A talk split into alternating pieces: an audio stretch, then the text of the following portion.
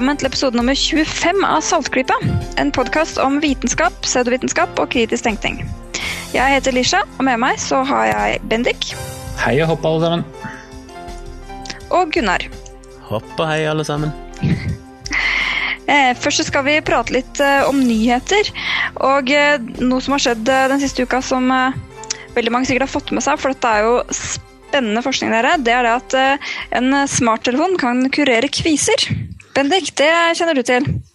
Ja, dette her er jo nøyaktig det som jeg elsker å drive med. Både fordi jeg har altfor mange quizer, og fordi jeg elsker smarttelefoner. Nei, det har seg nemlig sånn at det var en app på både for iPhoner og for Android-telefoner som eh, sa den kunne klare å kurere quizene dine mot at uh, du holdt den inntil huden i et par timer om dagen. Det var basert på noe for så vidt grei nok research om at eh, farget lys det kan være godt for kviser, og det er noen hudleger som eh, driver med det. Men eh, i dette tilfellet så er ikke lyset i iPhonen din sterkt nok til å kunne påvirke en effekt på den måten der. Så i dette tilfellet så måtte utviklerne av programmene komme med erstatninger, siden eh, appen ikke gjorde det den påstod at den kunne.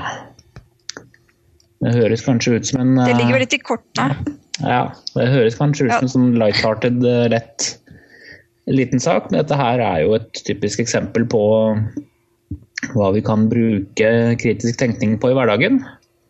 Om at uh, kviser er jo noe som uh, ungdom har slitt med i årevis, og at en liten app til seks kroner kan eh, klare å gjøre det, eller ikke minst at bare mobiltelefonen din kan klare å kurere det, så kan det kanskje høres litt for godt ut. Hvis det høres for godt ut til å være sant, så Så er det som oftest det. Er det som regel det. god tommelfingerregel. Og jeg må si at eh, hvis, hvis en telefon hadde gitt fra seg den type lys som kan ha en påvirkning på eh, problematiske hudtilstander, så ville jeg holdt meg langt unna den telefonen, for den ville vel omtrent brent ansiktet av folk. Ja, Vil jeg tro. Det er riktig. Jo, men skjermen skrur seg av vet du, når du snakker igjen. Han er sånn sens, eh, sensor som sjekker når du er inntil, for når du bruker den, så er ikke skjermen på. Mindre du Ja, det er klart. Smarttelefonen vil oss ikke noe vondt. Nei, nei. Det skulle bare mangle. Eh, Men litt mer eh, seriøs forskning. Gunnar, eh, spennende nyheter om eh, mulig kur for kreft. Ja, vi har jo hatt en eh, fin serie nå med rare kreftbehandlinger, om vi skal kalle det det. Kanskje rare, men allikevel vitenskapelig solide. Altså, dette er ikke noe tull, det er god forskning, om enn eh, på relativt sånn tidlig stadie. Eh, Så jeg kom over en artikkel her nå med en ny mulig behandlingsmetode som virker veldig, veldig spennende. Eh, For at utfordringen med kreftbehandling, det er jo å få cellegift til å bli levert direkte til kreftsvulstene. Altså cellegift er jo en slags medisin eller et stoff du sprøyter inn i kreftpasienter som rett og slett dreper celler. Det er en gift. Det er Hensikten er å drepe cellene, eh, som er ganske brutalt. Men en ønsker jo selvfølgelig bare å drepe de dumme cellene, og ikke de snille cellene. Så for å klare å gjøre det, så må man jo da bruke smarte metoder for å, å få denne giften da, til å havne på riktig sted, altså i kreftsvulstene, og ikke ta knekken på altfor mye av det friske vevet. Og En måte de har funnet ut de kan gjøre det på nå, det er altså et eller annet de faktisk har forska på i flere tiår. Men nå har de klart um, å modifisere sporene til en bakterie som heter Clostridium sporogenes. Og Den bakterien evolverte for veldig veldig lenge siden, på en tid når jorda hadde relativt lite oksygen i atmosfæren, så derfor så trives denne bakterien eller disse sporene i oksygenfattige Eller bakterien trives i oksygenfattige forhold. Så det de kan gjøre, da, eh, er å utnytte et kjent faktum, og det er at i kreftsvulster så er det relativt lite oksygen. Så der har du perfekte vekstforhold for disse bakteriene. Så det de da gjør, er at de starter med å sprøyte disse sporene inn i blodet til Dette er det ikke testa ennå, da, men det er det som er planen. På kreftpasienter. Disse sporene vil da feste seg i kreftsvulstene, der de kan gro. Og det som er nytt nå, som de har fått til, er at de har klart å modifisere disse sporene til å inneholde et enzym som når det kommer i kontakt med denne cellegiften, så aktiverer det cellegiften sånn at den begynner å virke. Så Derfor kan de altså etterpå sprøyte cellegift inn i blodet på denne pasienten. Og den vil ikke i utgangspunktet ha noen spesiell effekt, så den vil ikke ta knekken på noen vanlige friske celler før cellegiften blir ført med blodet og inn til kreftsvulstene, der det kommer i kontakt med dette enzymet, og dermed blir aktivert og plutselig begynner å virke og dreper da kreftsvulstene cellene i kreftsvulsten. Så på den måten kan du altså først sprøyte inn sporet, få det til å feste seg i kreftsvulsten, deretter sprøyte inn cellegift, som da først begynner å virke når det kommer i kontakt med disse her sporene eller bakteriene i kreftsvulsten. Så det er egentlig en eh, ja, det er et genialt konsept. Eh, det har vært testa, så vidt jeg forsto, på dyr.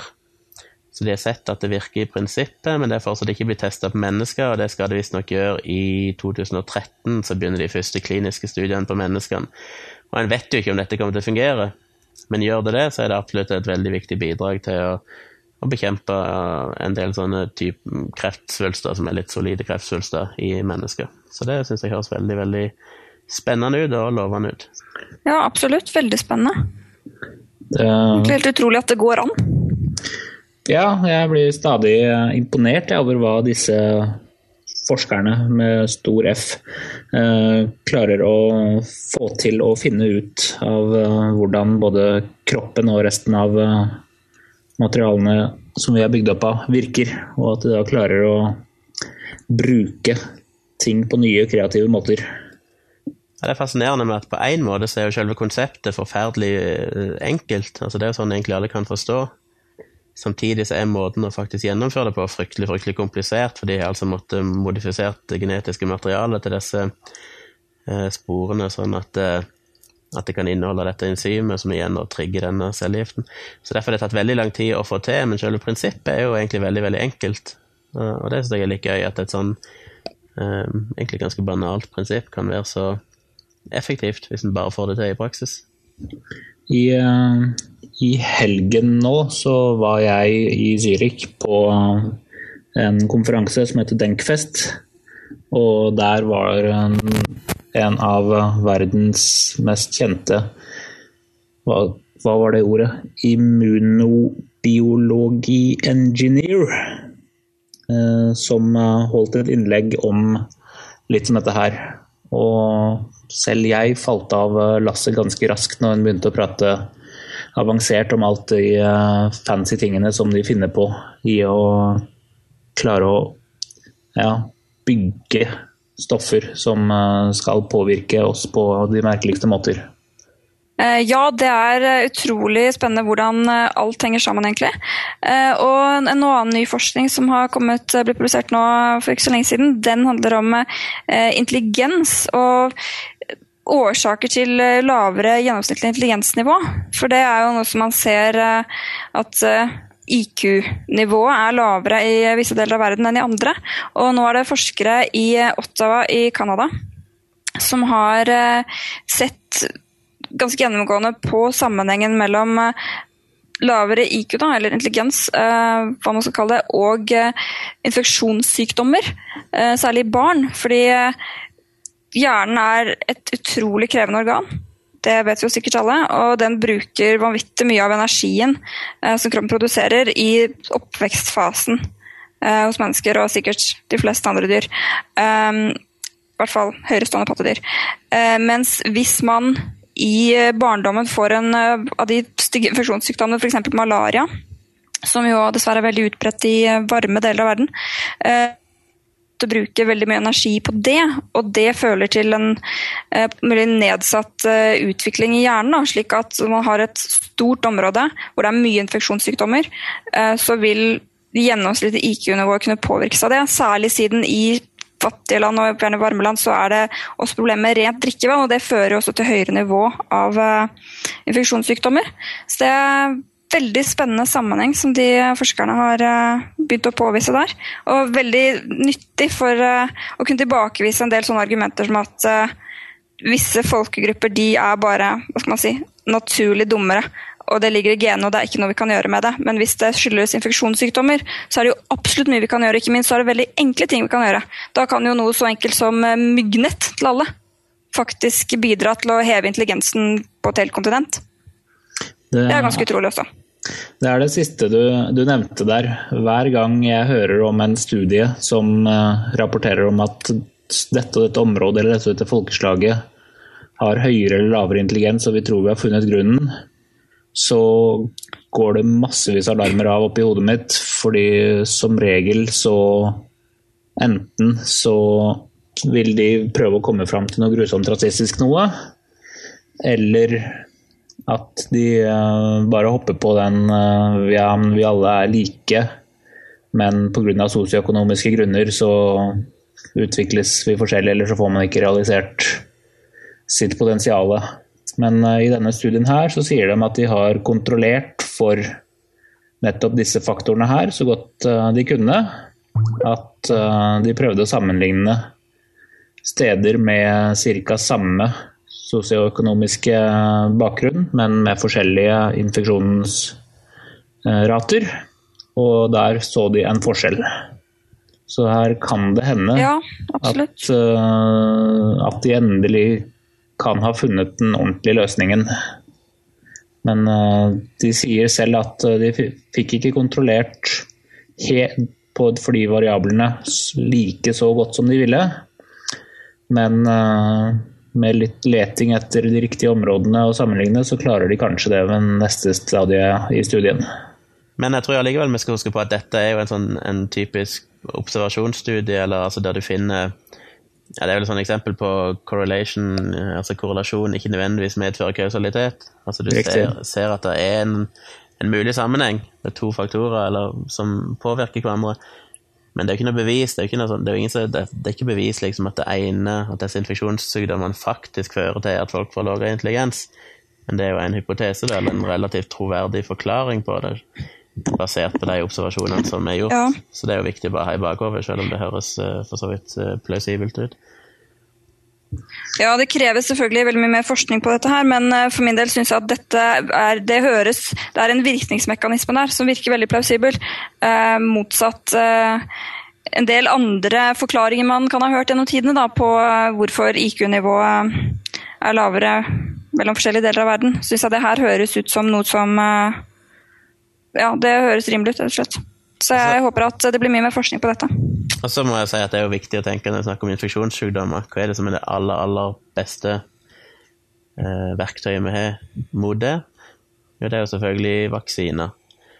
Så det er jo enda et argument igjen da, for å faktisk eh, drive med relativt omfattende vaksinering, spesielt i disse delene av verden. Det kan faktisk ha en effekt utover bare helse. Det kan faktisk ha en effekt på en del samfunnsmessige faktorer med at eh, den gjennomsnittlige IQ-en kan øke, eller de kan få en bedre utvikla hjerne enn de som ellers kanskje ville blitt svake gjennom disse sykdommene. Der trodde jeg faktisk at du skulle si at det uh, beste våpenet vi hadde, var kunnskap, og at uh, dermed, siden uh, mangel på kunnskap fører til lavere intelligens, så får vi enten en ekstrem tautologi eller en veldig ond spiral som går veldig raskt nedover. Men så tok du altså feil, Bendik. Mm. Det var ikke det han skulle si. Jeg kan ikke ta feil. Det var det du skulle si. Han ombestemte seg for å narre deg. Ja. Jeg tror kanskje det. Det må ha vært det. Apropos hjernen og ny forskning og sånt nå. Gunnar, du har lest litt om uh, ny forskning på schizofreni. Ja, det er ikke helt nytt. Dette er en sak i, slutten av mai, tror jeg. Eh, men jeg syns det var veldig interessant. Du sier schizofreni, men her snakker vi ikke om schizofreni eh, i mennesker, bare. Her er faktisk forskerne gitt eller påført datamaskiner schizofreni, som er ganske interessant. Eh, dette er jo litt relevant. Nå har vi nettopp passert 9-11, 11.9., altså de hendelsene som skjedde da, som veldig mange har spesielle, spesielle minner om, for det var en, en, eh, en hendelse som påvirker oss ganske sterkt, de fleste av oss. Og hjernen vår fungerer sånn at han lagrer minner på iallfall to forskjellige måter, som skjer parallelt. sant? Eh, normalt så blir minnene festa i hjernen ved hjelp av en del av hjernen som heter hippocampus. Men hvis det skjer spesielle ting, f.eks. hvis du er i ei bilulykke, eller du blir rana, eller du blir voldtatt, eller et eller annet som gir en veldig emosjonell respons, eller en veldig, en veldig sterkt inntrykk på deg, så blir et separat minne lagra av en del av hjernen som heter amygdala, eller amygdala, litt usikker på hvordan du uttaler det. Eh, men det er viktig å merke seg at disse to delene blir lagra parallelt. da. Og disse minnene som blir lagra av amygdala, de glemmer du veldig mye vanskeligere. De blir lagra på en måte mer, mer dyptpløyende i hjernen din. Og de kan jo dukke opp veldig spontant hvis du blir trigga av forskjellige inntrykk, sånn som krigsveteran eller en, en, noen som er utsatt for voldtekt. Da kan du få det som kalles flashbulb memories, at de plutselig så får du sånne minner eh, fra den hendelsen. Og det er altså de minnene som har blitt lagra på denne spesielle måten. Og det skjer annet gjennom dette stoffet som heter dopamin i hjernen. Og når det blir frigjort dopamin, så blir altså disse minnene da lagra mye, mye sterkere. Eh, og det gjør òg at hvis du har for mye dopamin i hjernen, så kan altså hendelser som egentlig er ganske bagatellmessige, altså ikke sånne veldig sterke inntrykk, men eh, mer dagligdagse ting, blir òg da lagra på denne litt spesielle måten, som om du skal ha opplevd de veldig veldig spesielt. Så de blir lagra på en måte for godt. Så hjernen din driver og lager massevis av helt vanlige hendelser altfor sterkt i minnet ditt i forhold til det de egentlig burde vært. Og da eh, kommer jeg inn på dette med schizofreni, for i de sirklene som driver jobber med eller forsker på schizofreni, så er det en, en eh, hypotese som de kaller for hyperlæring, som er nettopp dette fenomenet. Og de mener at det kan være årsaken til schizofreni. Altså at hjernen mister evnen til å glemme eller ignorere ting som ikke er så viktige. Akkurat som vi nå snakket om med disse spesielle hendelsene som blir lagra av, av, amygdala. Og som schizofren da, så gjør det at når du da får alle disse minnene festa, og alt blir på en måte festa like sterkt, så blir det veldig vanskelig for hjernen å filtrere ut det som faktisk er betydningsfullt og viktig, for du, du lager på en måte bare masse støy og hjernen vil i etterkant da slite med å, å finne sammenhengene og finne ut hvordan ting egentlig henger sammen, og du blir ganske forvirra. Og dette skulle de da teste ut, så de brukte et eh, dataprogram som simulerer et nevralt nettverk i en datamaskin. Dette dataprogrammet ble opprinnelig laga for å drive og forske på språk, og lære dette en slags kunstig intelligens, å lære det språk, og så påføre det forskjellige eh, slags hjerneskader for å se hvordan det påvirker Eh, effekten av språket. Eh, og disse nevrale nettverkene de da lærte opp til å forstå språk omtrent på samme måte som den menneskelige hjernen gjør, og det er at de fôrer den med historier og ord og setninger eh, om og om og om, om, igjen, og lærer de at hvis, vi, hvis jeg leser opp dette ordet eller den setningen til denne datamaskinen, eller dette dataprogrammet, som input, så blir han lært opp til at da skal òg sånn og sånn output komme. Og dette må du da gjenta og gjenta til han liksom begynner å forstå i gåsehudet eh, hvordan disse sammenhengene er. Og dermed kan han etter hvert begynne å lagre historier ved hjelp av en slags statistisk analyse over hvilke ord og setninger som er, oppstår oftest, og hvordan de henger sammen og sånn. Litt på samme måte som med hjernen, for hjernen vår husker ikke en historie eller en hendelse som en, som en videoopptaker. Det er ikke liksom Det er ikke sånn det skjer, det er mer i bruddstykker og elementer. Det blir kobla sammen ved hjelp av hvor sterkt de forskjellige delene blir huska osv. Og, så og litt av dette prøvde de da å simulere. Eh, så det de gjorde, var at de da lærte seg historien, og fikk, kunne da stille spørsmål på en måte til datamaskinen eller få han til å svare på ting og gjenfortelle historier. Men hvis de da endrer en variabel med hvor kraftig disse, dat dette dataprogrammet skulle huske de forskjellige tingene, så begynte han plutselig å simulere en slags form for schizofreni. For normalt, hvis det var ord og setninger sånn, sånn som jeg oppfatter dette, så vil jeg tro at det var da programmert sånn at ting som ikke oppsto så ofte statistisk sett, skulle da glemmes litt lettere. De ble på en måte mindre vektlagt i dataprogrammet. Men når de da skrudde opp den variabelen som gjorde at han ikke lenger glemte ting så lett, at han vektla ting mer enn han kanskje egentlig burde gjort, så begynte dette dataprogrammet å vise sånn schizofrene trekk. Da kunne han plutselig f.eks. begynne å Når han skulle gjenfortelle en historie, så, igjen, så plasserte han jeg-personen inn i sånne fantastiske og desillusjonerte historier, hvor han òg blanda inn elementer fra andre historier som han var lært opp. Og ifølge denne her eh, artikkelen så sier han at eh, igjen i et svar så kom dataprogrammet og hevda at han var ansvarlig for en terroristaksjon. Så han plasserte seg sjøl inn i veldig sånn dramatiske hendelser. I et annet tilfelle så begynte han å snakke, eller ofte så begynte de å svare med relativt usammenhengende setninger og digresjoner, og, og sprang mellom første og tredje person fram og tilbake, og sånt, så det ble veldig sånn usammenhengende og, og forvirrende. Og dette minner visstnok veldig om folk som da lider av schizofreni. Så de mente altså ved å endre denne variabelen, som da gjorde at eh, dataprogrammet ikke glemte så fort, som da skulle simulere det, altså øke dopaminmengden i hjernen, så mener de altså at de har fått en, ikke noe endelig bevis på noe vis, men det er en støtte til den hypotesen om at for høyt dopaminnivå i hjernen påvirker denne minnelagringa, og altså trigger en sånn hyperlæring hos schizofrene som gjør at de ikke lenger klarer å, skille viktig informasjon fra mindre viktig informasjon, og dermed blir veldig, veldig forvirra og får en slags overload av uh, irrelevant støy som uh, skaper veldig rare sammenhenger og connections i hjernen. Så det syns jeg er, ja, det er interessant. Bruke eh, virtuelle hjerner til å forske på hjernen, det syns jeg er, er, tøft. Så, dette, så schizofreni kan nesten forårsakes, eller i hvert fall ha lignende symptomer som rett og slett at hjernen din er veldig dårlig til å arkivere ting unna på riktig felt? I riktig kategori? Det er mulig, men altså det er jo at det, de blir jo på en måte kobla en del mot en slags emosjonell respons, det som minnene så det er ikke bare det at de blir lagra, tror jeg, feil, men òg at de på en måte vekker en, eh, en kanskje sterkere emosjonell respons enn det de egentlig burde, sånn at de blir, lagt, blir gitt større betydning i livet ditt enn det de egentlig burde ha. Ja, det er vel noe som er ganske typisk for hvert fall ganske mange schizofrene, at de eh, fokuserer veldig på ting som andre oppfatter som uviktige. Da skal vi over til dagens intervju, som er med Joe Nickel. Han er det som vi på godt norsk kaller en paranormal investigator av den skeptiske sorten. Han er blitt 66 år gammel og har reist verden rundt for å undersøke ulike fenomen, alt ifra likkledet i Torino til gråtende statuer. Han har undersøkt f.eks. den påståtte dagboka til Jack the Ripper, og han har reist rundt og sett mye på sjøormer og andre mytiske skapninger. Joe Nickel er såkalt Senior Research Fellow i Committee for Skeptical Inquiry, som blir forkortet til CSI, som er den eh, amerikanske kan du si, den amerikanske skepsis.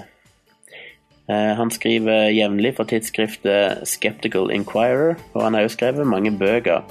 Og Da Bendik og Marit møtte han på The Amazing Meeting i Las Vegas i juli, så hørtes det ut sånn som dette.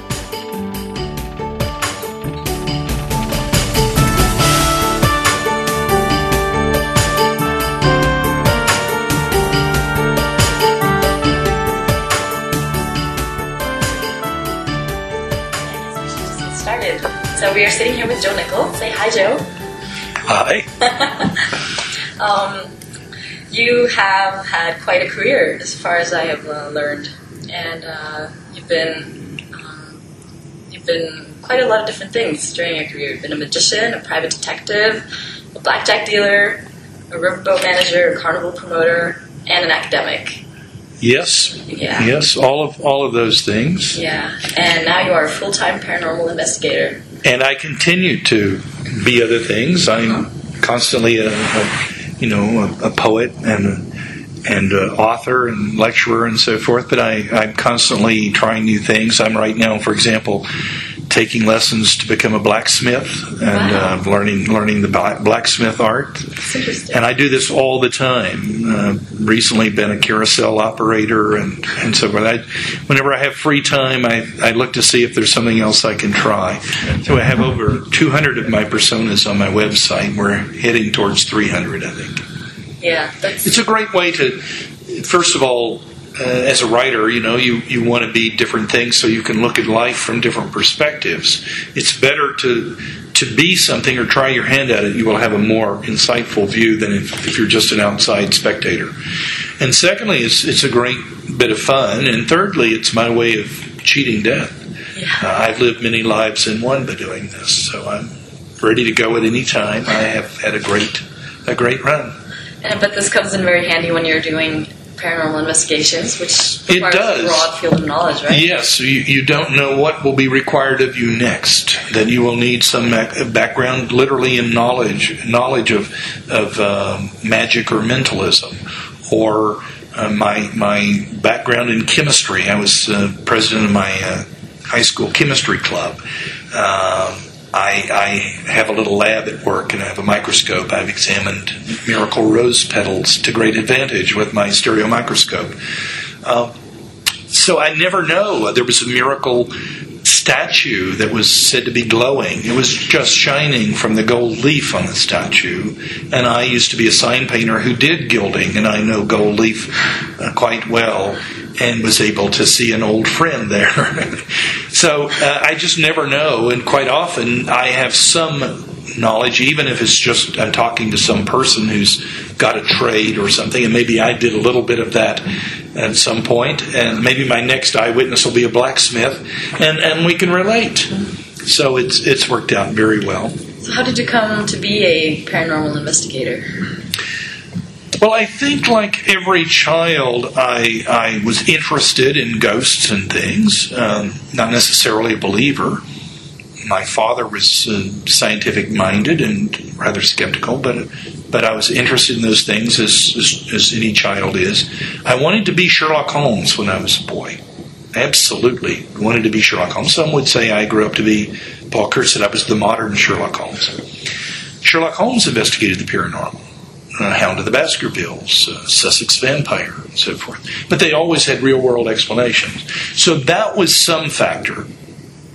As I grew up to live out many of the things that I played at as a child, I played at being a magician and a detective and so forth. So I grew up to actually do them. And, and uh, I remember as a child, I was thinking, doing magic in my grandmother's parlor and uh, I had a little mustache glued on with spirit gum. And I remember thinking someday I'll be able to grow a real mustache, and then I'll be a real magician. and and that's sort of true. So I grew up and I did these things. They were still I still wanted to be them. And uh, so all of that was part of the mix. And as I became a magician, a real magician, and eventually became resident magician at the Houdini Hall of Fame in Niagara Falls, Canada I learned more about Houdini's investigations of spiritualists and the Spaniard with x ray eyes and others, and literally met James Randi and became friends with Randi. And he was a big influence, and I thought that that is just great to go, you know, catch catch these tricksters red-handed or to figure out what's causing some phenomenon. So whenever Randi would come to the museum, which he did occasionally as a visitor or consultant, uh, I would pick his brains. And um, that was a big influence. So I, I began then just oh, I looked at a devil baby mummy. I sat in a Houdini seance in 69. Um, by 1970, 71, 72, somewhere in there, 72, I was investigating the Mackenzie House ghost in Toronto. And that was my first big case, and that's the one that taught me you really do have to go on site. You can't just sit back at home and debunk something. You really have to investigate, just like going to a crime scene. So I, I went there and, and found that people were hearing footsteps on the stairs late at night when there was no one in the house. Oh, how could this be? While the sounds were coming from a parallel iron staircase in the building next door. And this was a revelation to me that the, the ghosts were the late night cleanup crew, and uh, this this this was a powerful lesson for me. And I thought, you know, if I if I do this, this is what you do. You go on site, you, you look for evidence, and you try to explain it, not debunk it, explain it, and the debunking will take care of itself. And I thought this is just what you do, and if you do this, people will believe you and they will love you for it. Really? And I was wrong about all of that. Only some, well, some skeptics believe me and love me, yeah. but maybe not everyone. But before we get into all your stories, I just wanted to ask you um, what is the method when you go to a place and, and, or if you have a story that you want to investigate? What what do you do? Well, as opposed to the so-called ghost hunters who go to a haunted house typically and they'll say, you know, just move aside, ma'am. Just step aside. We're, we're the professionals now. We have all this equipment. We'll just bring this equipment in and we'll be seeing if you have a ghost here. Um, uh, mine is the opposite of that. I, I don't know why we would be using equipment that has no proven scientific basis for finding ghosts or that ghosts exist or are, are electromagnetic or anything. I'm going to go straight to you and I'm going to say, well, ma'am, tell me why do you think your house is haunted? And so when you tell me your footsteps on the stairs, I'm going to see where those might be coming from.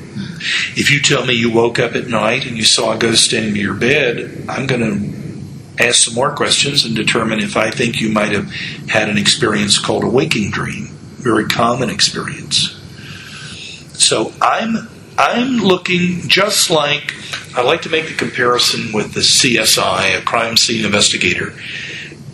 I go to the scene of the crime, as it were, and I am trying to see what actually occurred or what's alleged to have occurred, whatever, and get whatever evidence I might be able to get, and then follow that, sorting out the best evidence from not credible evidence or conflicting evidence, sorting that out, and then seeing where the evidence wants to lead me.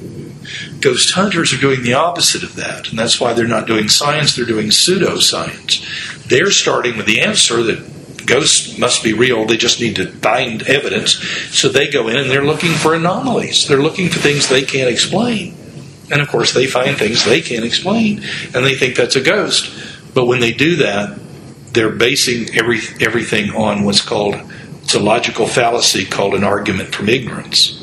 We don't know what this is, therefore it's a ghost. And that's a, that's a mistake. So mine is to say, let's explain and let's go firsthand and let's see, let's talk to people, let's look, let's have hypotheses, let's do experiments if we need to, all of this, and let's see if that tells us uh, what we have. And so I remember uh, one case, the Atlanta House of Blood, which was a cold case. It happened some years before, so I couldn't go on scene. That uh, there was nothing happening there, and other family had moved in, and there was really nothing to see there. But I was able to to go to the police, and they were willing to show me the case file.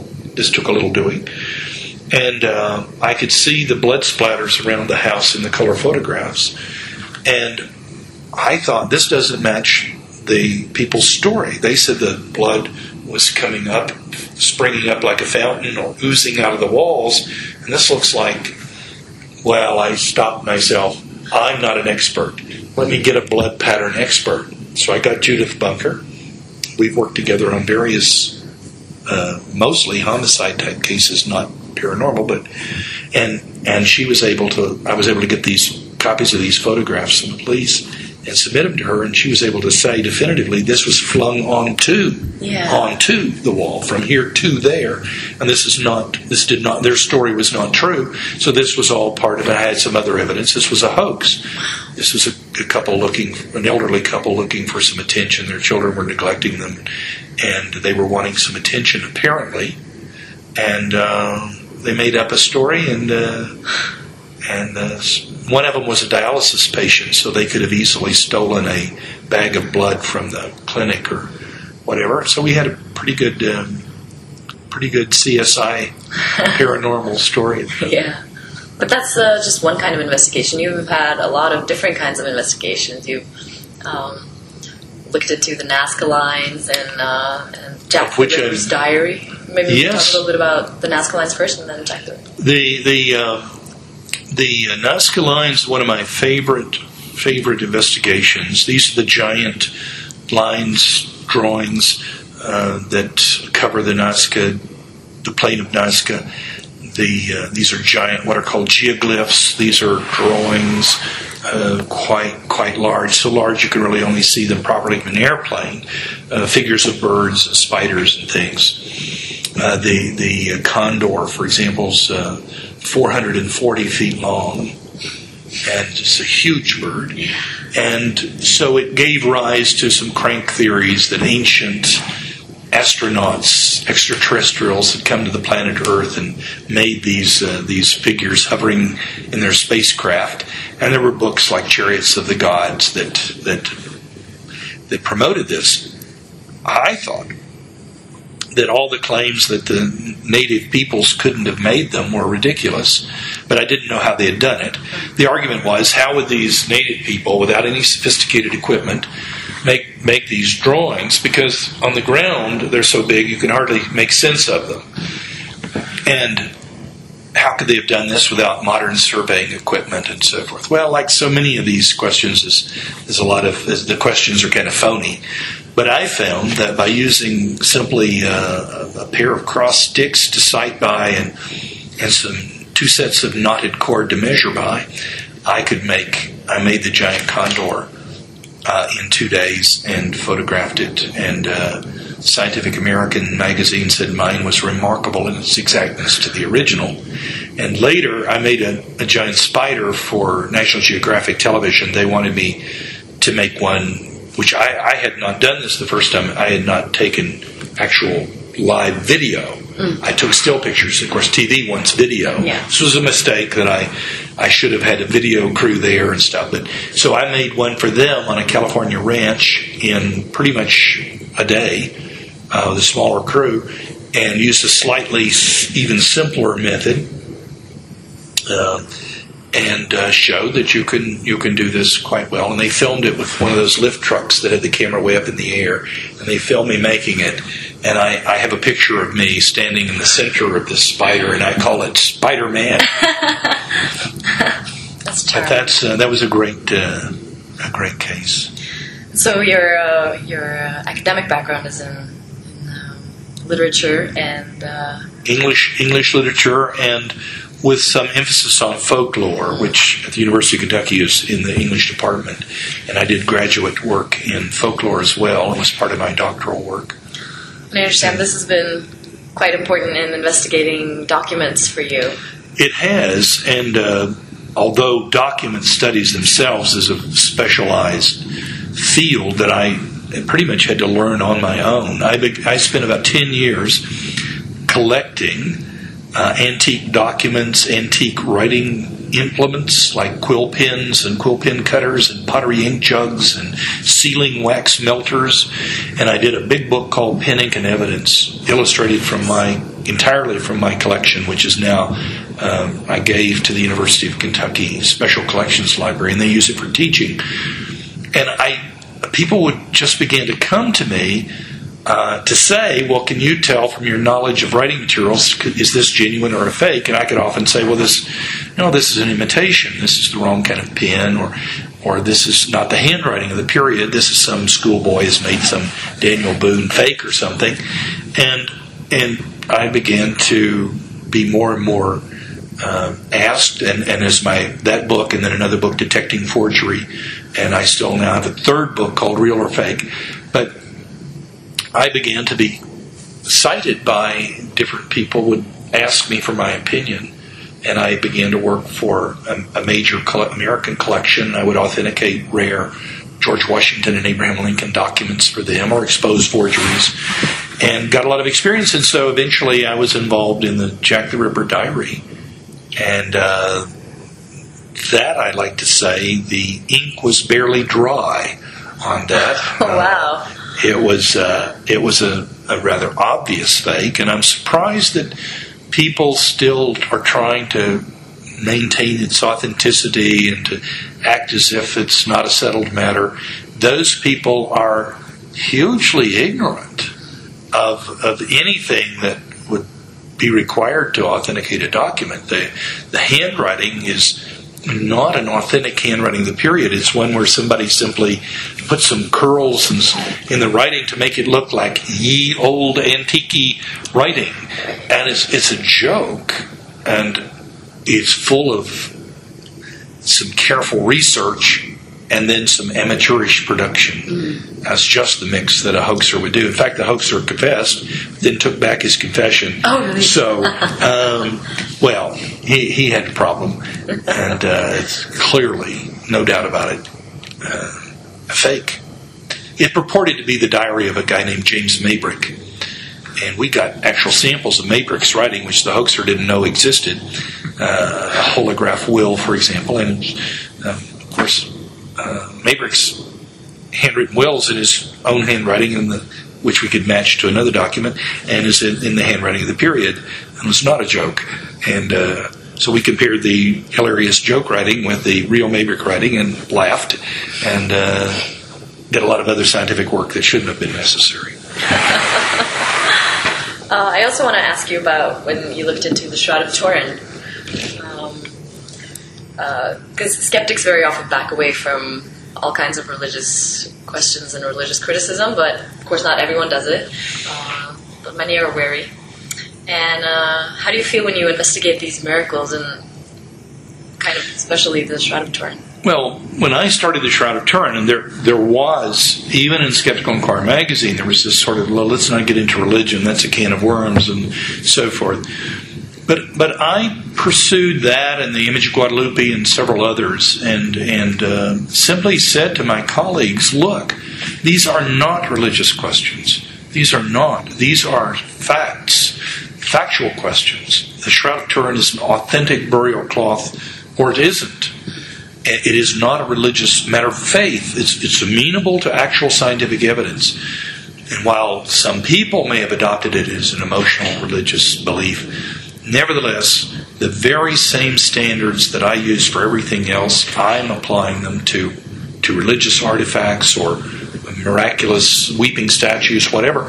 And, and I don't, I never apologized for it. I don't. I, I think with anything, you should be respectful of people when I've investigated a weeping icon in a, in a church in, in New York, uh, I posted skeptics. I said, when people come in to worship at this at this image, uh, you come ahead and get me out of the way. This is their church, and we need to be respectful of them. It's not for for them to wait on me; it's for me to wait on them. And, and the local skeptics also said later, we, we, we valued the fact that you wore a coat and tie and looked and were ashamed we wore blue jeans. And I said, well, we learn. We learn, but we need to be respectful. But then evidence is evidence, and we should not apologize for doing science.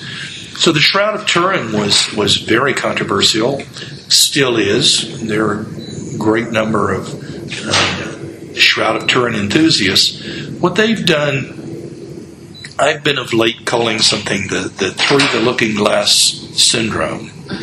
That you can be drawn into, to use Lewis Carroll's term, through the looking glass, into a kind of uh, different world where you take up a position of defending something, like the Shroud of Turin is the burial cloth of Jesus, or Shakespeare didn't really write Shakespeare, or or 9/11 was was was a government inside job or something. And once you've done that, you've reversed the principles of science. You've started with the answer and are now just looking at evidence to support your prior conviction. It may superficially look like you're, you have your own side and it's scientific. It's actually pseudoscience. You've, you've gone at it backwards. And that's what the, happened with the Shroud of Turin. They were they were saying, uh, no one could have faked this. This is too awesome.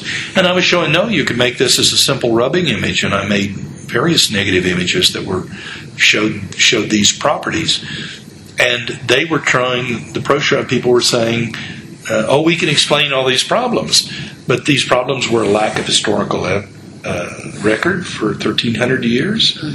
A bishop's report of the forger's confession, blood that was still bright red, blood that in fact tested to be tempera paint. Uh, radiocarbon dating of the cloth to the time of the forger's confession. So if you put that evidence together, it's corroborative and devastating to the shroud. But you could say, well, there was no history, it was hidden away. Forger's confession trumped up. A bright red blood, maybe miraculous. Tempera paint, uh, maybe splashed on by someone who co- was copying it. I mean, you can make up a rationalization, but some of these were really stretching stretching science and engaging in still more pseudoscience. So not only was the approach pseudoscientific, some of the specific things they were doing was not good science or best evidence. I completely agree that uh, whenever there's anything testable and concrete that we can assess, that Do it. skeptics and scientists should always try to uh, investigate it. And it should be in the religious people's interest as well, because it might be confirmed as something that Abs- might be real. Absolutely, and I have gotten rare, perhaps, but I have had very religious people tell me they love what I do. they support what I do. And uh, one one priest told me that my book, Looking for a Miracle, was a wonderful gift to the Catholic Church, and he was not being sarcastic. And I, I value those kinds of comments, though they're very rare. That's wonderful. Um, what about the response from, from skeptics? You mentioned the Skeptic magazine, and people were uh, critical at first of, of handling the religious issues. This was Skeptical Inquirer Oh, magazine, um, and not the same as Skeptic. Um, this was my the people I worked for and so forth. Well, I think they've uh, clearly come around, and I think everybody now pretty much agrees everywhere that uh, that which is a testable claim should should be done. And, and and I think I have my followers as to, as far as the kind of ethical principles I've set forward that we we re, be respectful of people. Um, we don't have to make fun of sincere people or simply misguided. We shouldn't uh, be debunkers who prejudge things. We shouldn't suggest, oh, that person may have been drunk and didn't see a lake monster, or they were hoaxers. No, un- unless you have reason to believe that, that's a that's a slander, and shame on you for suggesting it. So I, I treat people with respect until I find that maybe I, I have to be suspicious or something people who, who I think are charlatans and misleading people, I go after them with a vengeance. And I will booby trap them and, and uh, catch them at their tricks as best I can and expose them. And I have I have gone undercover and in disguise and done that in, in different different times and places, uh, catching phony spiritualists and others doing doing tricks and pretending they're communicating with the dead when they were doing a magic trick. I, uh, when you confront these people with th- those kind of uh, discoveries, how do they usually react? I don't usually confront them on the spot. Uh, they don't know that I came in undercover, and they don't know that I left. And then they read my expose in the Skeptical Inquirer. And in the case of uh, a phony, two or three phonies at Camp Chesterfield, Indiana, the notorious spiritualist camp, and I caught them perpetrating deceptions. I think a couple were ousted from the grounds or something. I never talked to them personally. I don't get into a confrontational thing with a person. Um, not not usually.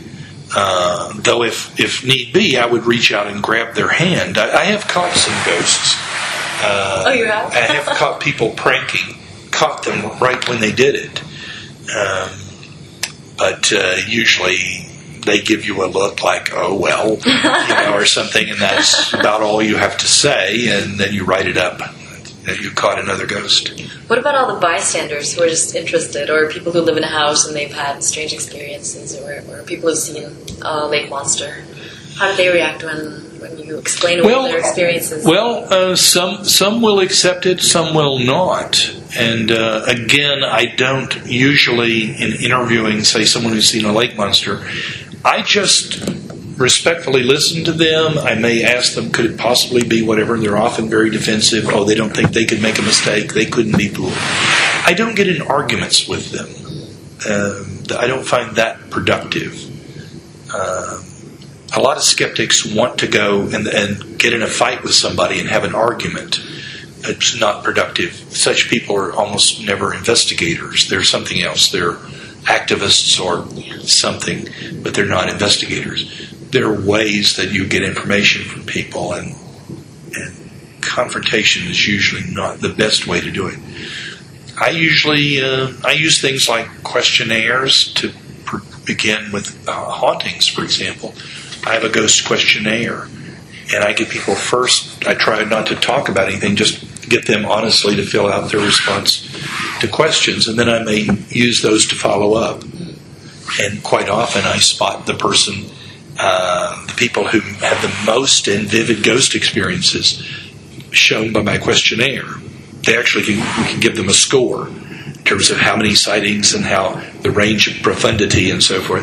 And give them a score. And people who score highest also score on the questionnaire for traits that are associated with fantasy proneness. And that's an interesting little uh, approach that I use. But, but it's not confrontational. It's just I have them answer the questionnaire and we talk about it a bit. And I keep my ideas to myself and I don't mention them by name. And it's confidential. But I will say, well, at this haunted house, uh, my respondents showed, and, and you know, or you know, my, my best subject was a you know a spiritualist medium who had vivid encounters. However, uh, he or she was off the charts fantasy wise. So. You've called your work uh, the world's most thankless job. Oh, did I say that? Apparently. Uh, yeah, that sounds like something I might say in an unguarded moment.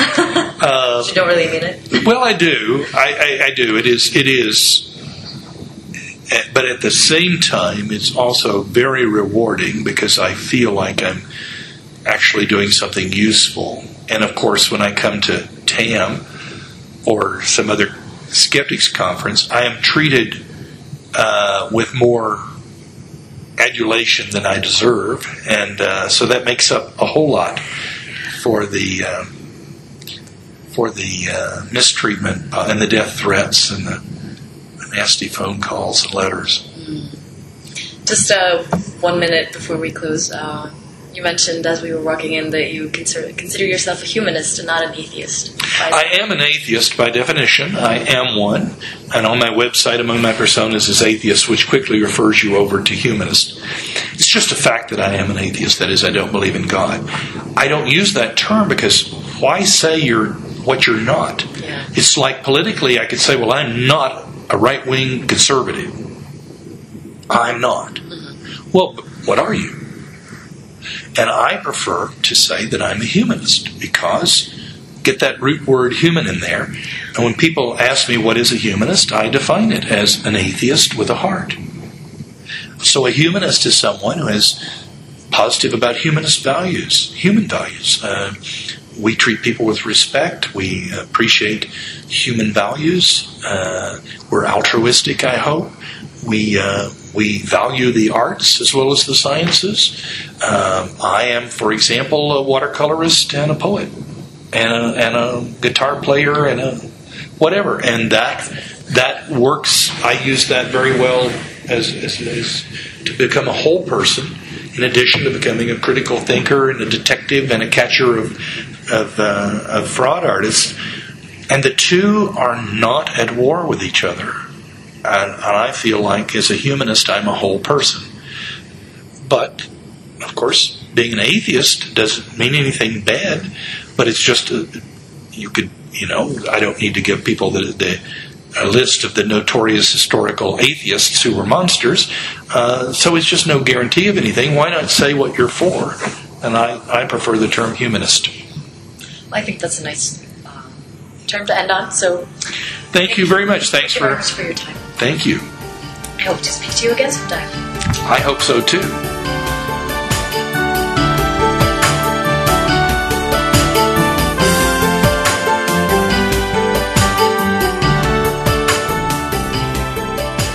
Skal videre til ukens anbefaling.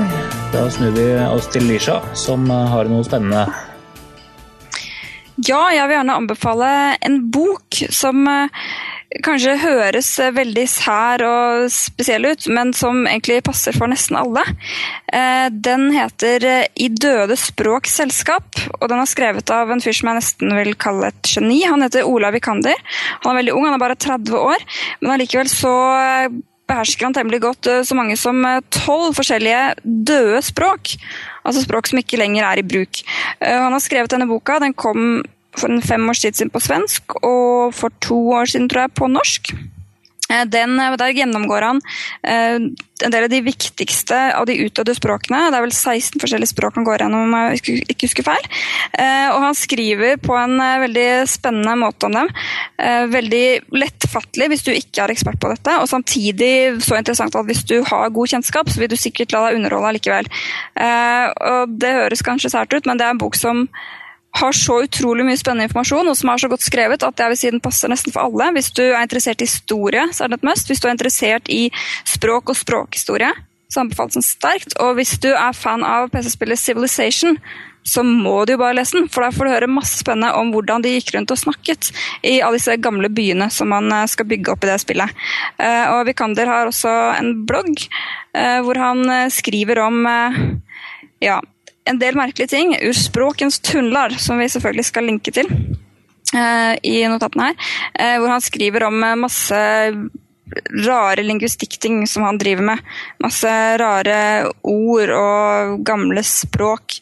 Uh, han har skrevet andre bøker også, mye om lignende ting. Og han er flink til å skrive, flink til å formidle, og i Døde språks selskap, det er en fascinerende introduksjon til en masse språk som ikke lenger fins, men som har eh, hatt en enorm påvirkning opp gjennom historien. På måten vi snakker på i dag, og grunnene til at vi snakker som vi gjør. Boka finnes på Pax forlag. Det gjør den. Og også på biblioteket, selvfølgelig. Den høres veldig interessant ut. Den uh, må jeg gå og plukke opp neste gang jeg er i bokhandelen. Det anbefaler jeg absolutt. Med det så tror jeg vi eh, avslutter eh, denne sendingen. Da sier jeg takk til mine venner som har hatt med meg her. Ha det bra, folk. Ha det bra. Ha det godt.